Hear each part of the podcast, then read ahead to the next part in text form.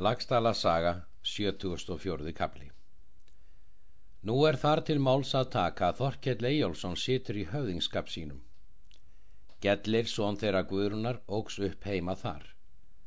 Hann var snemma drengilögur maður og vinsall. Það er sagt eitt sinn að Þorkell sæði guðrunu draumsinn. Það dreymdi mig, segir hann, að ég þóttist eiga skegg svo mikið að tækjum allan breyðafjörð. Þorkett bað hann að ráða drauminn. Guðrún spurði. Hvað ætlar þú þennan draum þýða? Auðsætti ekki mér það að þar mun standa ríki mitt um allan breyðafjörð. Vera má að svo sé, segir Guðrún, en heldur myndi ég ætla þar myndir þú drepa skeggi í breyðafjörð niður. Það sama sumar setur Þorkett fram skip sitt og býr til Noregs. Gellir són hans var þá tólf vetra gamall. Hann fór utan með föðu sínum. Þorkell lýsir því að hann ætlar að sækja sér kirkju við og siglir þegar á haf er hann var búinn. Hann hafði hæja útivist og eigi all skamma. Taka þeir Noreg norðarla. Þá satt Ólafur konungur í þránteimi. Þorkell sótti þegar á fund Ólafs konungs og með honum gellir sonans. Þeir fengu þar góðar viðtökur. Svo var Þorkell mikil smetinn af konungi þann vetur að það er alls sagt að konungur gaf honum eigi minna fjö en tíu tíu marka brenda silfurs. Konungur gaf getlaða jólum skikki og var það hinn mesta gersemi og ágætur gripur. Þann vetur let Ólafur konungur gera kirkji í bænum að viði. Var það stopnað all mikið musteri og vanda allt til. Um vori var viður sá til skips fluttur er konungur gaf Þorkalli. Var sá viður bæði mikill og góður því að Þorkell gekk nær. Það var eitt morgun snemma að konungur gekk út við fá menn. Hann sá mann upp á kirkju þeirri er í smíð var þar í bænum.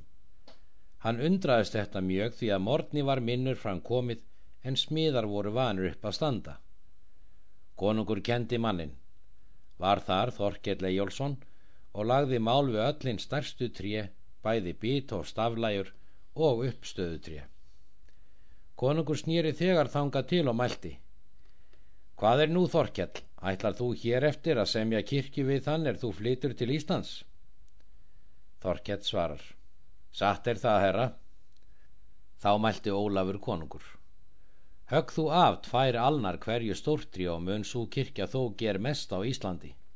Þorkjall svarar.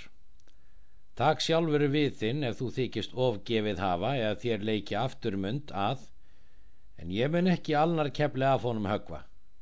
Mun ég bæði til hafa atverð og eljun að afla mér annan við.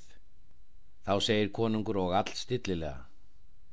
Bæði er þorkjall að þú ert mikil sverður en það gerist þú nú allt stór því að víst er það ofse einum bóndasinni að keppast við oss en eigi er það satt að ég fyrir muni þér viðarins ef þér verður auðið að gera þar kirkju af því að hún verður eigi svo mikil að þar muni ofþitt allt inni líkja en nær er það mínu hugbóði að menn hafi litla nýtsemt viðar þessa og farið því fyrr að þú getur gert neitt mannvirki úr viðinum eftir það skilja þeir ræðuna.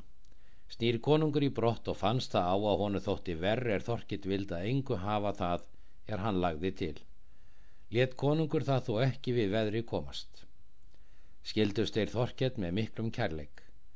Stígur Þorkell á skipfjöl og lætur í haf.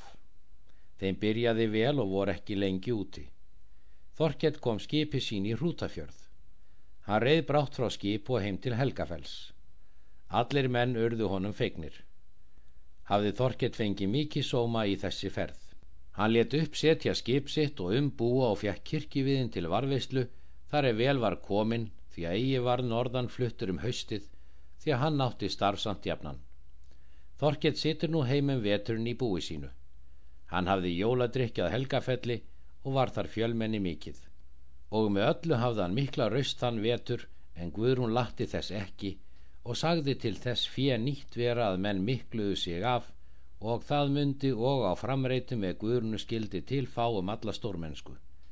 Þorkett miðlaði marga góða gripi þann vetur vinum sínum er hann hafði út haft.